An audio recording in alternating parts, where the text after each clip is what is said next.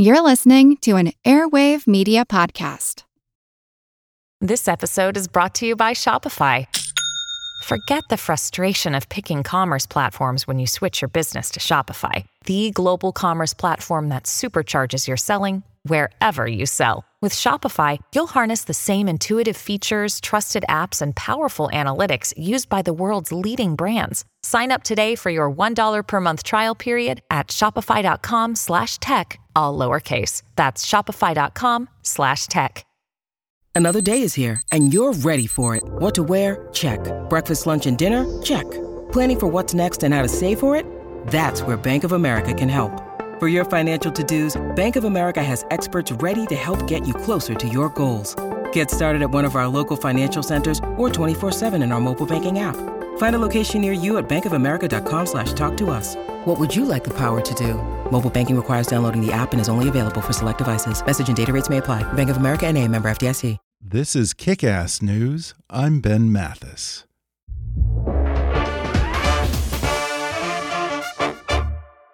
What is technology doing to us?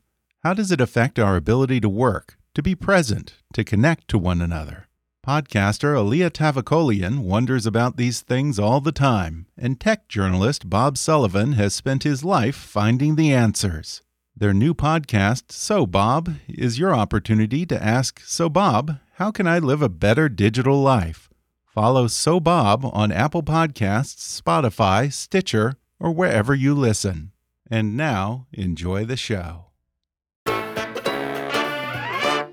Hi, I'm Ben Mathis. Welcome to Kick Ass News. What's the most effective path to success in any domain? It's not what you think. Plenty of experts argue that anyone who wants to develop a skill, play an instrument, or lead in their field should start early, focus intensely, and rack up as many hours of deliberate practice as possible. And if you dabble or delay, you'll never catch up to the people who got a head start. But if you take a closer look at the world's top performers, from professional athletes to Nobel laureates, you'll find that early specialization is the exception, not the rule. David Epstein, author of the New York Times bestseller The Sports Gene, studied the world's most successful athletes, artists, musicians, inventors, forecasters, and scientists. He discovered that in most fields, especially those that are complex and unpredictable, generalists, not specialists, are primed to excel.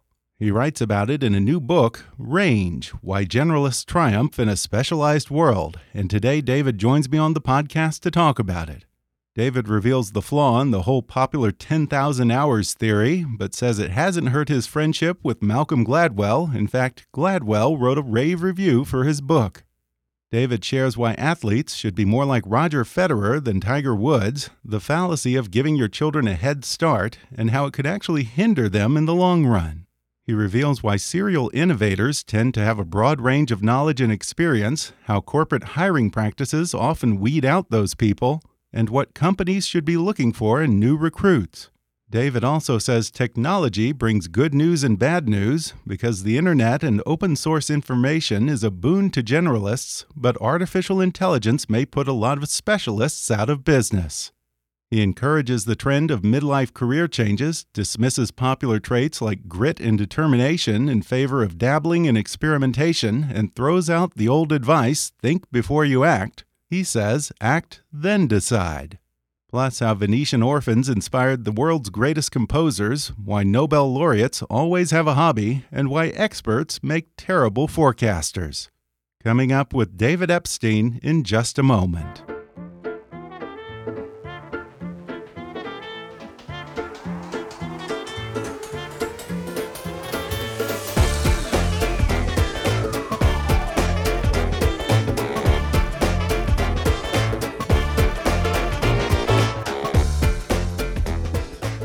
David Epstein is the author of the New York Times bestseller The Sports Gene. He has master's degrees in environmental science and journalism and has worked as an investigative reporter for ProPublica and a senior writer for Sports Illustrated. His latest book is called Range Why Generalists Triumph in a Specialized World. David, welcome to the podcast. Very glad to be here. You have a rave review on the back of this book by Mr. Malcolm Gladwell, and yet this book pretty much flies in the face of the whole deliberate practice movement and Malcolm's 10,000 hours concept. Uh, what's wrong with his approach? well, the 10,000, and what he has said actually is that one of the reasons he gave a rave review to this book is because I think the review he has on the back of the book says something like, um, for reasons he can't explain, he enjoyed being told that everything he thinks about something is wrong.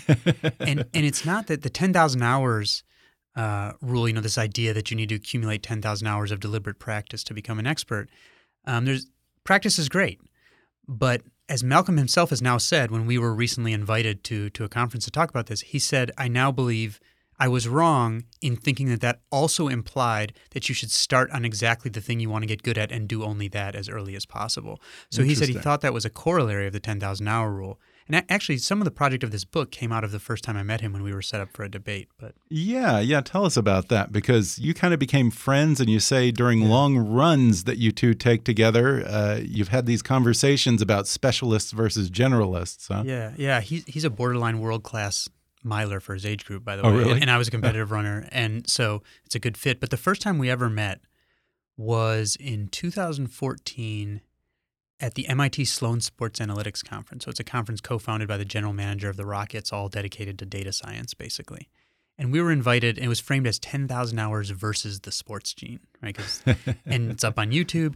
And you know he's very clever, and I didn't want to get embarrassed, and so so I did my my homework. I mean, I start both of my books. The first year of research, I just try to read ten journal articles a day, um, every day for the for the first year. No writing, and so I have this huge store of papers that I can refer to. And so I assumed he would have to argue that for that of for the primary importance of a head start of a, of early specialization in technical training, whatever you want to do.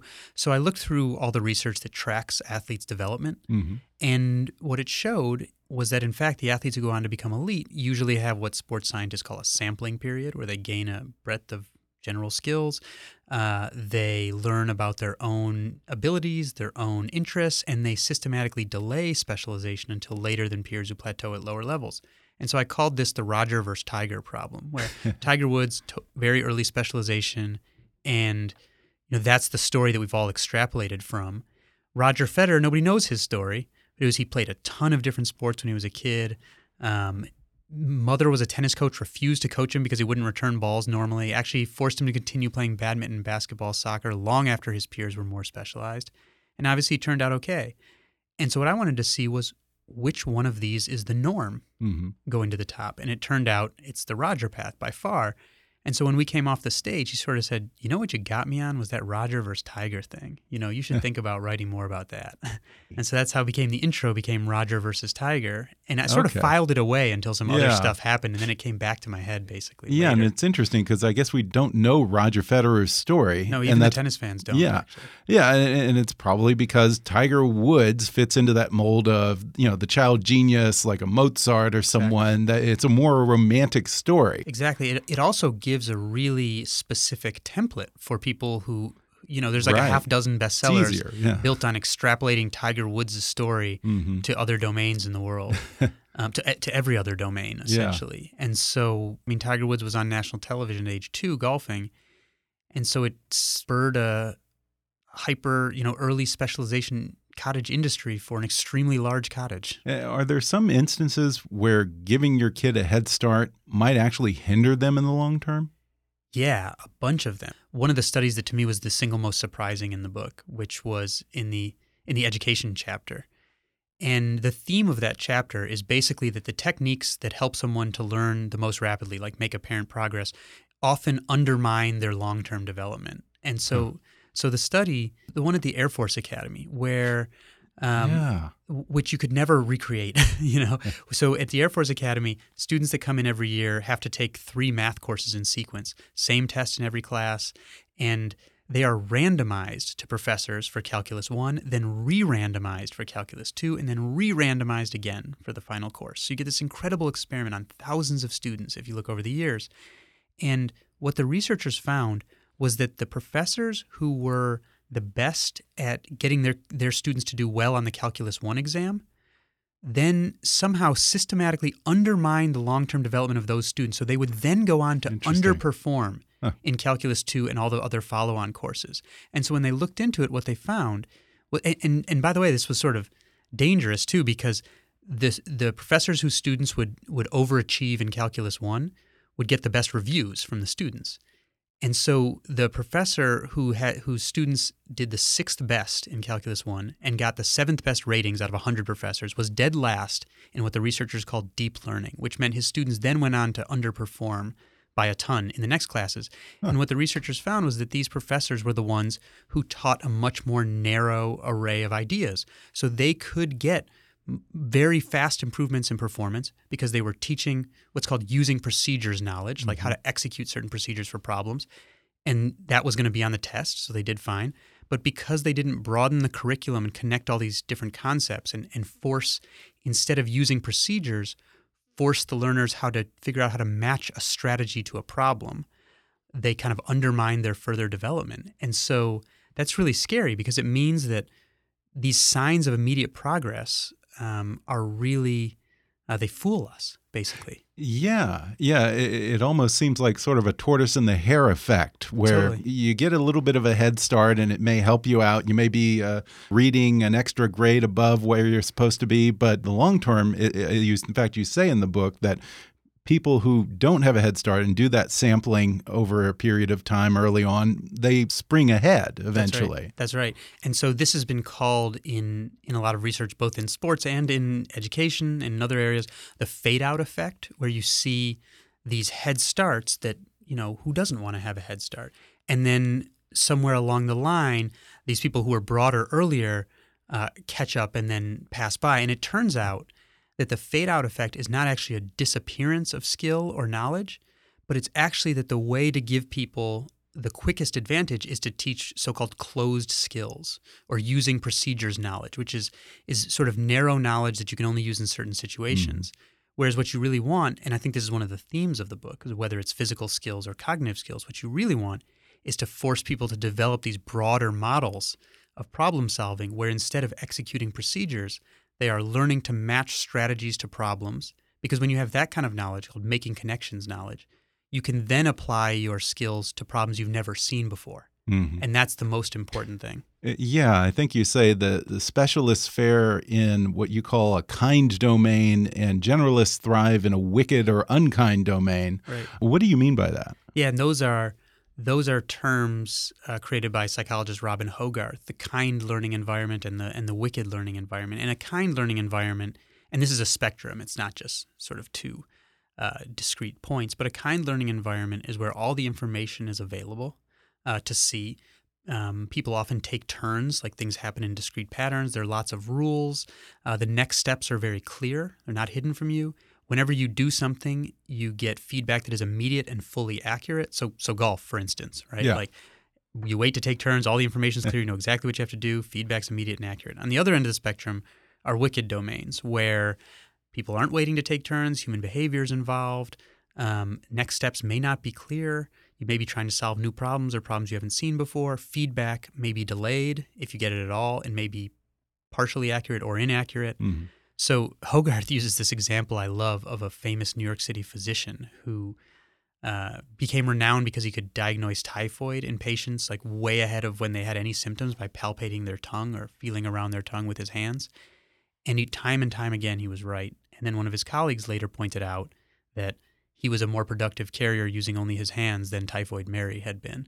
So it was actually he was transferring typhoid, so his predictions were always accurate. So this was a case where the feedback reinforced the exact wrong lesson. Yeah. so mo- most most learning environments aren't that wicked either. Mm-hmm. But in the learning environments where you have to face situations you've never quite seen before, mm-hmm. that's where you want to have had this broad development early so that mm-hmm. you form these models that you can flexibly fit um, because you can't just use your procedures yeah. over and over. I'm assuming that most of the innovation and the groundbreaking that goes on happens in the wicked domains where you don't have a path forward by that, almost by definition. Exact. That's a great way to put it, and that's why I included some research on technological innovators where it looked at, you know, analyzing like millions of patents and the careers of creators. Um, you know, both looked at it across companies and within a particular company that, mm. that I talk about. Um, to see who makes the biggest impact. And it turns out that there were types of technological problems where specialists are better when the next next steps are pretty clear, when you know where you need to go basically. But when the problems were less clear, it was the people who had worked across the largest number of different types of technology as classified by the US Patent and Trademark Office who made by far the biggest impacts when the next steps weren't totally clear. Uh, yeah, someone in the book did a study of serial innovators, and one of the common characteristics was that they have that wide breadth of knowledge. And it goes to something that we see a lot with tech companies where you have two co founders. It's often the visionary, not the programmer, who gets the credit. There's a reason that we know Steve Jobs better than we know Steve Wozniak, right? Right, right, for sure. And I think they sort of represent that um, you know, at one point in the book, I, I, quote the eminent physicist and mathematician Freeman Dyson. He he had this great speech where he said, "We need both frogs and birds." You know, and if we think about Jobs and, and, and Wozniak, he said frogs are down in the mud and they're seeing the little details. He was talking about science specifically, but I think it holds for other things. Whereas the birds are up above, not seeing the details, but they can see the different, you know, the high level view and how the different parts connect and integrate them. And what he said is that the problem is we are only telling people to become frogs. And the frogs alone end up having no ability to integrate knowledge across domains the way that someone like Jobs does. Even the process of writing this book is a good example of taking a narrow focus and finding broader and perhaps unexpected overlap and applications in a variety of other disciplines. What are some of the other fields besides sports where you were surprised to learn that generalists excelled? Certainly music because I, mm-hmm. I, was surprised to find this in sports in the first case i didn't really i mean i knew it by the time i came to that debate with malcolm but before that i didn't know it yeah. like the proposal for my first book was like pro 10,000 hour rule and then i like dove into the research and was you know had this period where like either i'm crazy or this work is not good um, and music i was surprised to find it because yeah. it's it's the domain where is as with sports maybe like the most associated with early mm-hmm. specialization yeah you think of kids practicing violin or piano after school every single day yeah yeah, yeah. And, and it turns out though that the normal path for the top musicians is that they go through a sampling period also and mm-hmm. in fact if you look at their development longitudinally and i think there are a lot of ways to get to expertise and i think there's some areas of like classical music where where maybe you can specialize early or sort of generalize early and you can be okay. But um, these students, when they look more closely at their development, they actually try to sample a bunch of different instruments, and their practice volume usually explodes after they find an instrument that fits them and a genre of music that fits them, not hmm. before. So it's not just that they're like practiceaholics. It's that they go through things and find something what economists call match quality. They mm-hmm. maximize their match quality, and that's when their practice explodes. And in the more improvisational forms of music, the specialization is totally unheard of, right? So the, the yeah, ones associated with yeah. is like the Suzuki School, which, by the way, if you read their tenets, says music should be learned like language. We don't teach grammar first. You you throw people in, immerse them, let them try yeah. and fail, teach the grammar later. But in our, for even me, and in the public consciousness, I think it's associated with drilling, but that's not actually the case. Yeah, it makes me think of people like Irving Berlin, the composer, who couldn't read or write music. He always played by ear. And also, uh, I'm a big fan of Django Reinhardt. You mentioned him in this book as an example of that. Oh, man. Django. Yeah, I ended up. this was one of the unexpected things in this book. It, it launched new interest for me, and I ended oh, yeah. up like trying to collect all of Django's you know so so Django Reinhardt was a was a Romani musician. Right. Um, gypsy jazz yeah right? yeah exactly. Yeah. and he sort of experimented with the violin fiddle was like the sort of normal instrument but he, he wasn't that into that actually so he didn't work very hard at that. And then someone got him this kind of hybrid banjo guitar and that was like totally his thing and he loved it and would go around like improvising and trying to imitate other instruments with his guitar. And he was getting really good but then when he was about 17 or 18 his wagon caught on fire and he he was burned over half his body. He was in mm-hmm. you know couldn't do anything for like a year, and he lost the use of two fingers on his on his fretting hand. And after that, he had to reinvent how to play with basically two fingers and his thumb on his fretting hand, and that's when his wow his creativity completely exploded, and he like recreated. You know, he sort of invented like he's like the the godfather of like the guitar solo, mm-hmm. basically. Yeah, yeah, exactly. Um, and so it was incredible. So I collected enough stuff so I could hear him before and after that injury.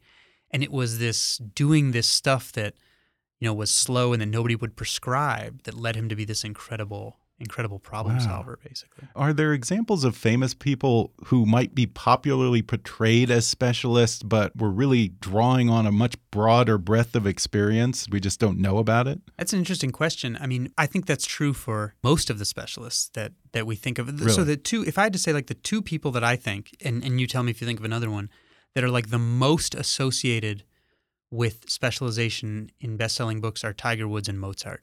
And Mozart, I started going through letters and found these incredible letters where um, a musician was writing to his sister and and was recounting meeting Mozart when he was a kid. He was playing with Mozart's father. He was invited over to play some chamber music, and little Mozart came down and said, "Asked, can I play second violin?" And Mozart's father didn't say like, you know, we're going to drill you. He said, "You haven't had any lessons. Like, go away. You you can't play second violin." Really? And Mozart starts crying, little Mozart. And so this other musician who's writing the letter says, he says, okay, I'll go play with him for a little while, you know, to keep.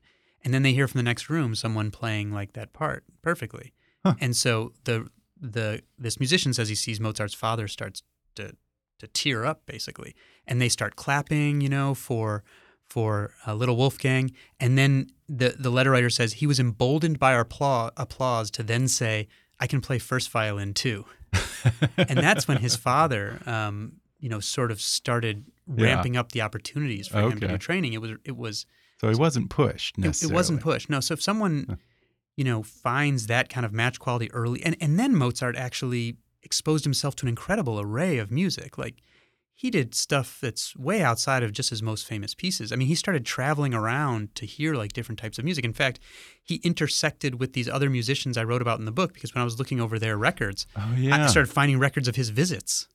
Yeah, that's musicians. fascinating. I assume that you're talking about this group of women musicians who were, I guess, orphans in Yeah. Venice, and they also inspired Vivaldi and the Modern Symphony and all of this Yeah, stuff. yeah. What was it that was special about them? Yeah, so these are the so-called figlie del coro, which means daughters of the choir. And basically, Venice in the in the 17th and 18th century had this. They had a very vibrant sex industry, and um, they had a problem with baby girls would be thrown in the canals if the the girls of prostitutes. And so they started these social service institutions where you could bring a baby over and it was like the like the carry-on thing, you know, before you go on an airplane, where if it, there was a there was like a notch in the wall, and if the baby was small enough to fit in that, then they would take it, no questions asked, and raise the baby. Wow. And they wanted these girls to become self-sufficient, so they would learn skills, you know, sewing, whatever, accounting, all this stuff. And people started donating instruments to these institutions, and they would try to learn every one because they would be incentivized, like they didn't have to do other chores if they were playing music or whatever. So they would try to learn every instrument some of which musicologists don't even know what they are because the names are so obscure now. And the girls would be taught to learn every one of them.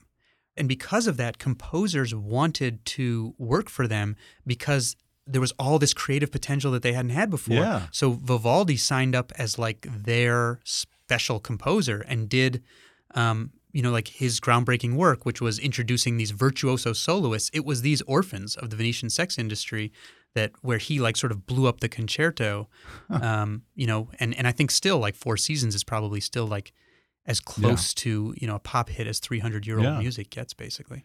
We're going to take a quick break, and then I'll be back with more with David Epstein when we come back in just a minute.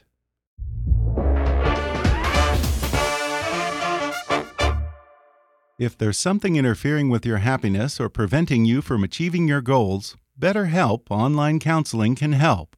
BetterHelp offers licensed professional counselors who are specialized in issues such as depression, anxiety, relationships, trauma, anger, family conflicts, LGBT matters, grief, self esteem, and more. Connect with a professional counselor in a safe and private online environment and get help at your own time and at your own pace. Anything you share is confidential. And it's so convenient you can schedule secure video or phone sessions as well as chat and text with your therapist. If for some reason you're not happy with your counselor, though, you can request a new one at any time for no additional charge. Best of all, it's a truly affordable option. Kick-Ass News listeners even get 10% off your first month with the discount code KICK. So why not get started today? Go to betterhelp.com/kick. Then simply fill out a questionnaire to help them assess your needs and get matched with a counselor you'll love. That's betterhelp.com/kick. If you don't know SiriusXM, then listen up. SiriusXM brings you the deepest variety of commercial free music for every genre and for every mood. Where you hear the biggest names in talk, entertainment, and comedy, where you get news from every source. A lot of people think you need a car to enjoy SiriusXM, but you don't. You can listen outside the car. Right now, you can get your first three months of SiriusXM outside the car for just $1. Just go to SiriusXM slash kick to see offer details and to subscribe. For one buck, you can listen to SiriusXM on your phone, at home, and online. So anywhere you are, any time of day, you can hear your favorite songs or discover new ones. Go to Sirius, S-I-R-I-U-S, X-M dot com slash kick and get your first three months of SiriusXM outside the car for a dollar. See offer details. Offer available to new SiriusXM streaming subscribers. SiriusXM. No car required. Ancestry DNA gives you so much more than just the place you're from.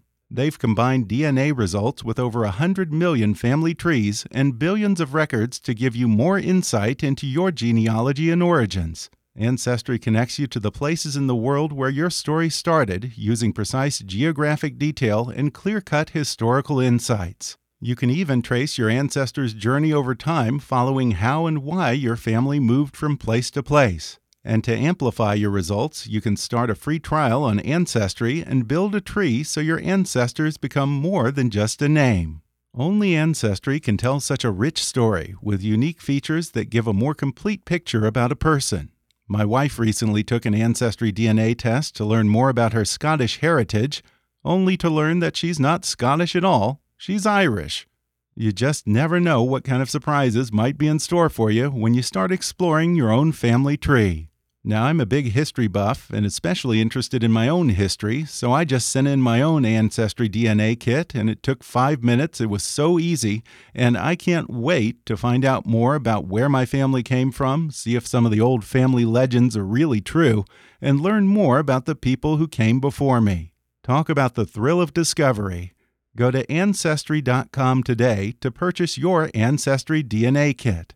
That's Ancestry.com to purchase your Ancestry DNA kit. Ancestry.com. And now, back to the show.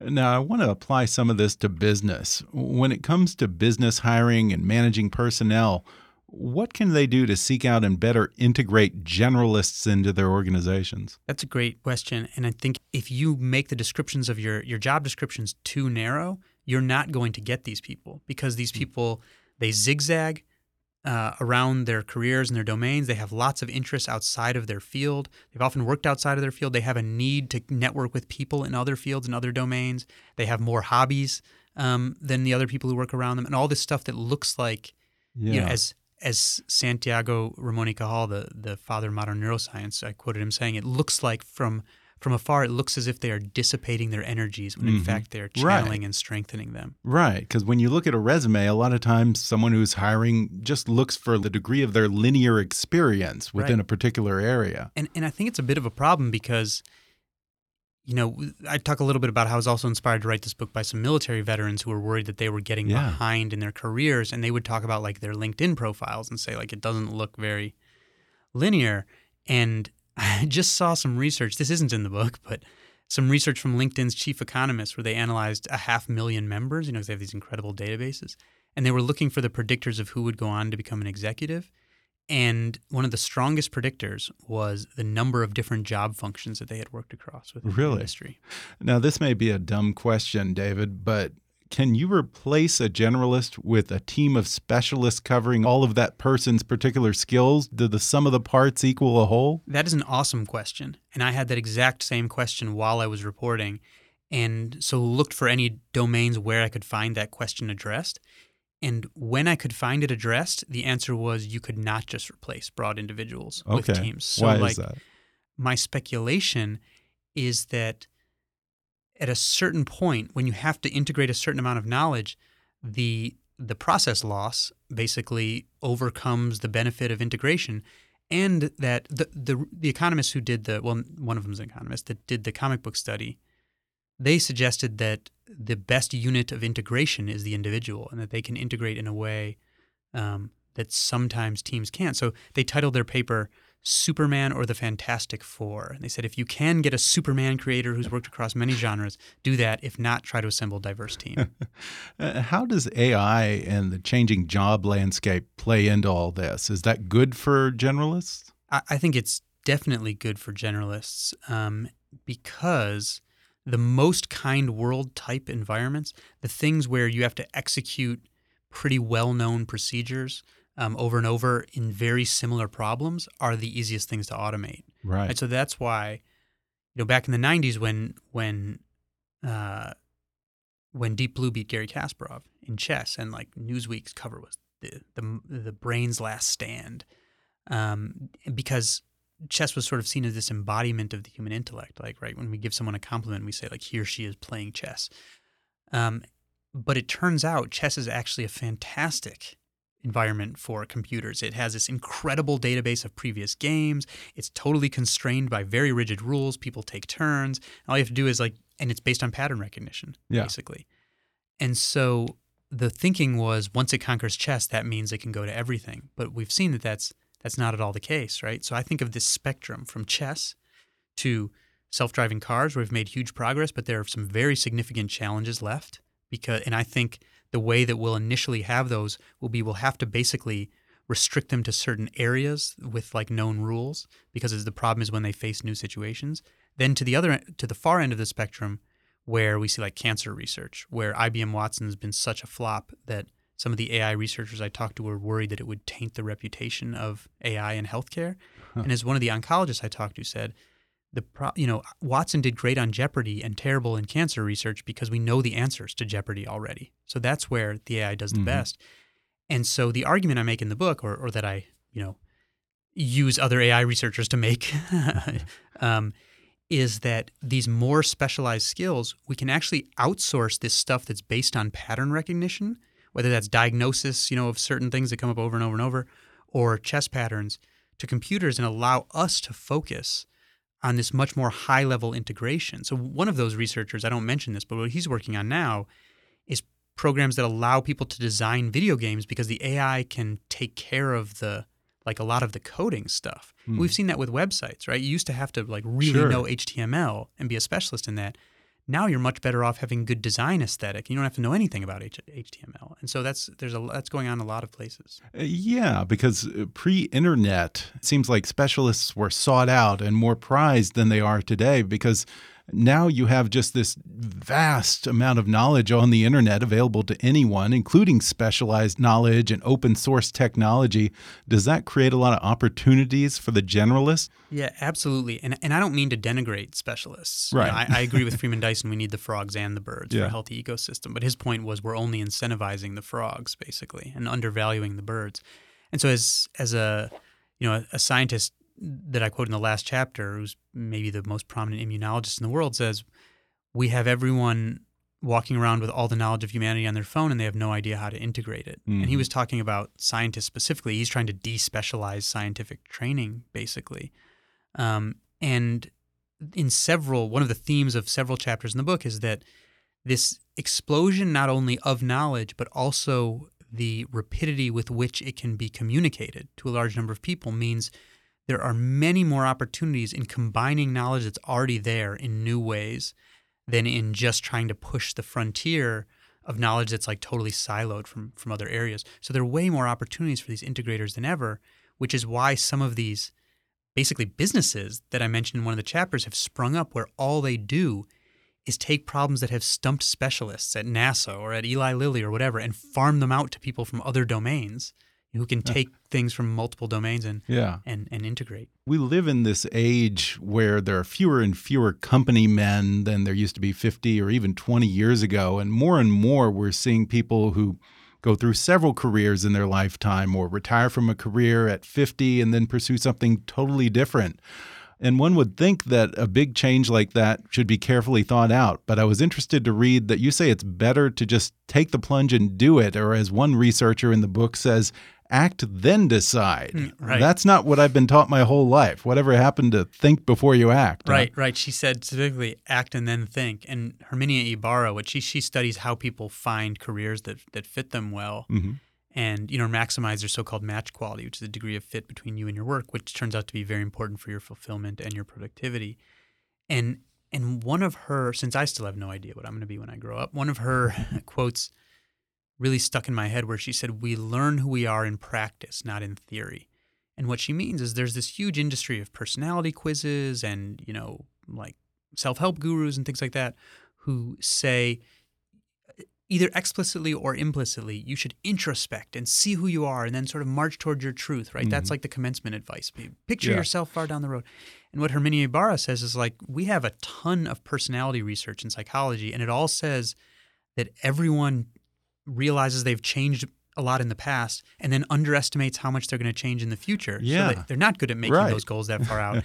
and they, they can't intuit what skills they might have if they've never gotten to try something. Mhm. So what you have to do instead is try to set up these mini experiments. You try something and then you reflect on it and then keep zigzagging. And those are the people that eventually triangulate these Mhm. better these better matches. So she said this idea of uh, of of thinking that you can intuit your own skills and interests a priori, like without trying stuff, is is not borne out by the research. In fact, our knowledge of our own interests and abilities um, is constrained by our roster of previous experiences. And the only way Mhm. we can change that is to try some stuff. And one of the other things that's perhaps constraining people from wanting to try different things and go in a different direction at some point in their career is the fact that we seem to have gotten into this cult of grit over the past several years, particularly Angela Duckworth's book, Grit, popularized it. And we have this romantic notion of someone just sticking it out and never giving up until they achieve success. What's the problem with that mentality? And, I should say, her and her colleagues' grit research appeals to me tremendously. Mhm. Okay, but I think there's some constraints, and in fact, most of the constraints that I point on the book are taken from their own papers. Oh, really? Right? They just haven't made it into popular translation, Okay. basically. um, so grit is this construct. It's a 12 question survey, basically, where half the points are awarded for resilience, perseverance. Mhm. You know, they ask questions like, "Do you come back from setbacks, etc." And the other half for quote consistency of interests. So it asks, do you ever change interest from year to year? Do you ever start a project and, and not finish it? And the most famous study of grit, I think the one that initially blew it up, was at the U.S. Military Academy at West Point, where it was found that grit was a better, the results of the grit survey were better predictor of who would get through the rigorous orientation called Beast Barracks, where it's like physically and emotionally rigorous. It's six week orientation, um, than were traditional measures like test scores and stuff like that. So that's great. I mean, most of the most of the cadets, almost all of them, make it through anyway. So we're not talking about big differences in prediction here. But the fact is, uh, life isn't a six week orientation, right? These were Right. these were a small group of people who were pre-selected for certain characteristics, which magnifies the apparent effect of grit, basically.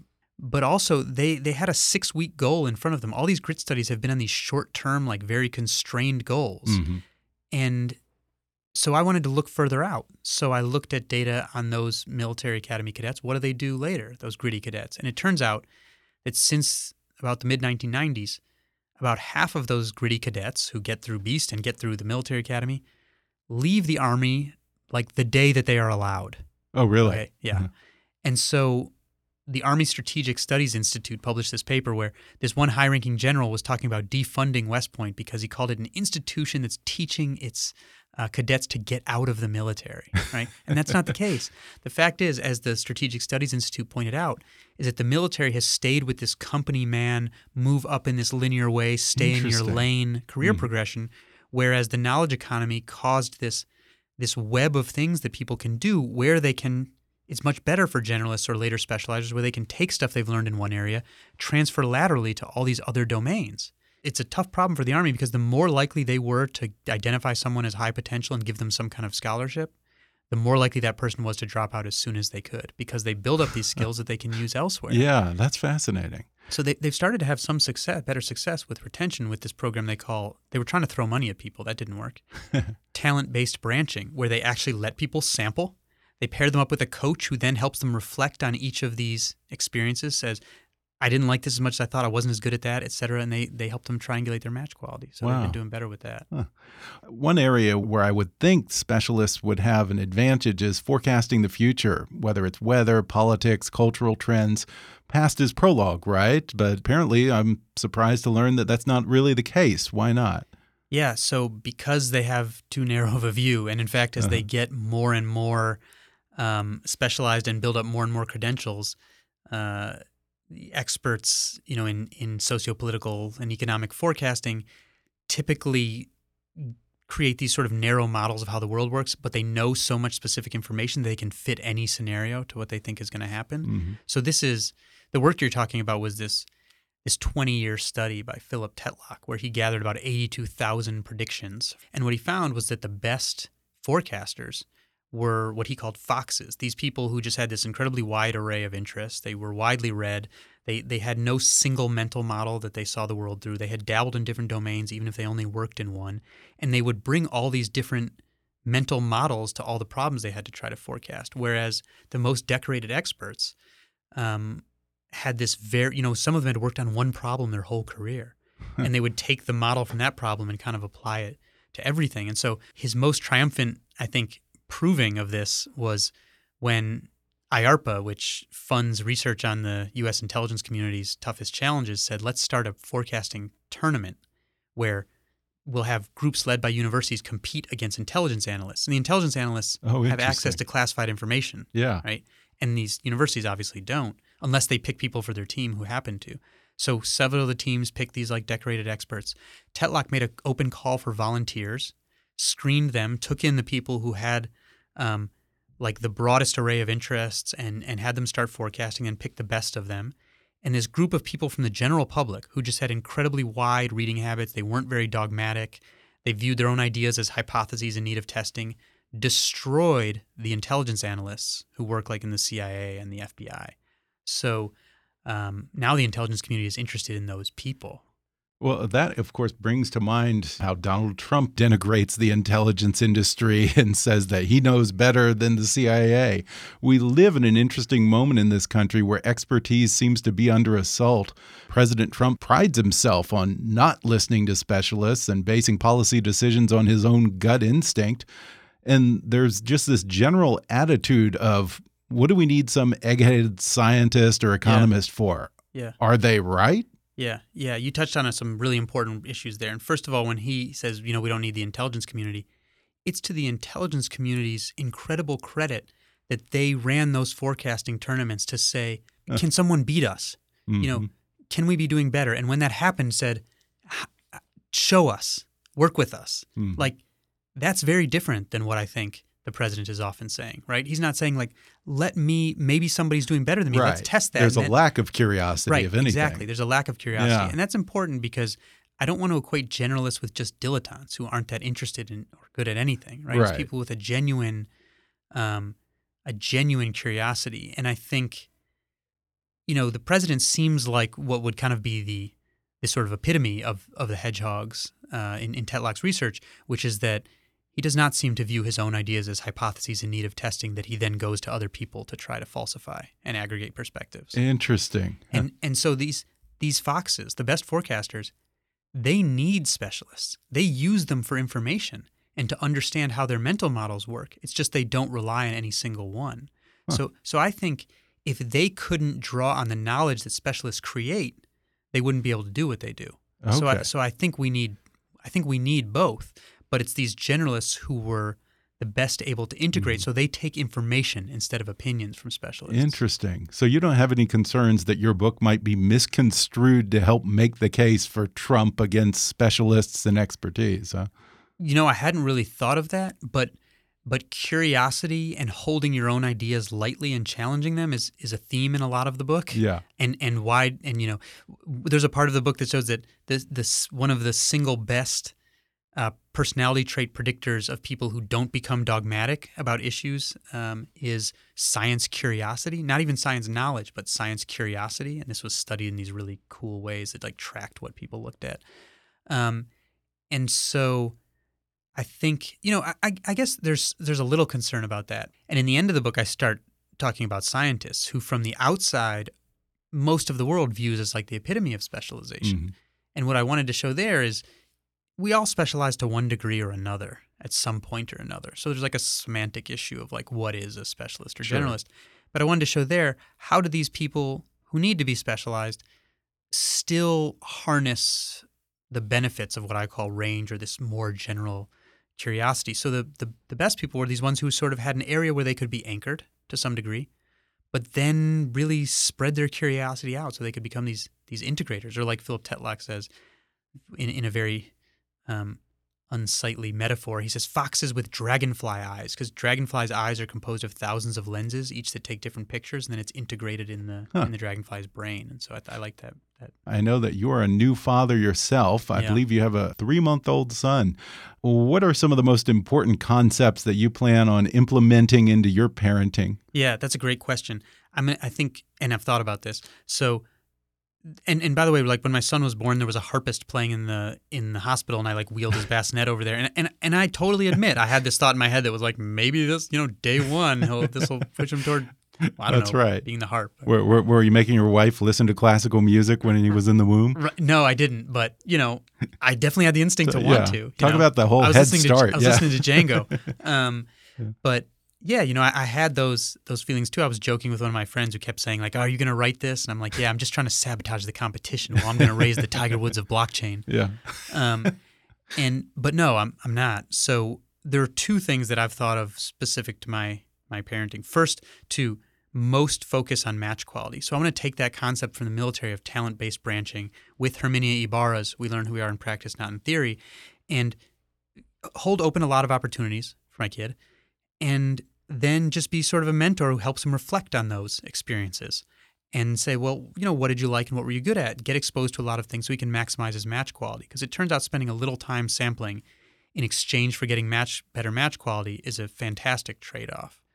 Secondly, I think I'll embrace some of what Oliver Smithies, this Nobel laureate at the end of the book, um, told me about his Saturday morning experiment. Experiment. So Smithies was just widely curiosity, widely curious. He would tinker with anything. I can't remember the acronym, but his his colleagues noticed this and they came up with this acronym that was like NBGBOKFO, which stood for No Bloody Good But Okay for Oliver.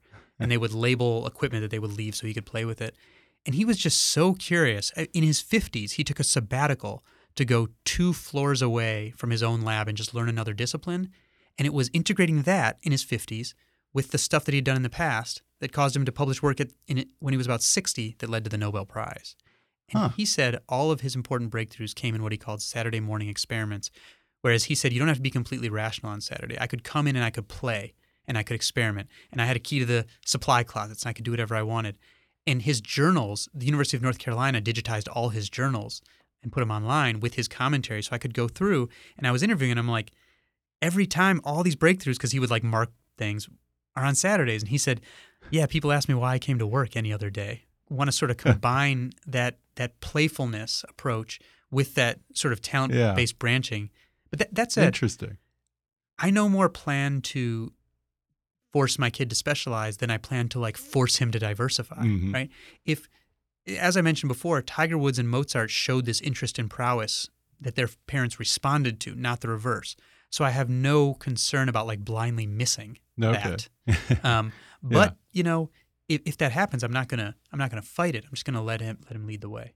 Uh, Yeah, it's interesting what you said a moment ago about the Nobel Prize winner because it, it makes me think of Einstein, how he claimed that he would have his big breakthroughs when he would take a break and play the violin. And apparently, you say that uh, I think Nobel laureates are something like 22 times more likely to be involved in activities like amateur acting or dancing or some type of performance. Huh? Yeah, yeah. Nationally recognized, this is a study of the hobbies of scientists. Nationally recognized scientists are much more likely to have hobbies like doing magic, acting, playing music, woodworking, you know, all this kinds of stuff, writing, um, painting, sculpting, uh, you know, just amateur mechanics than were average scientists, who average scientists were about the same as the general population.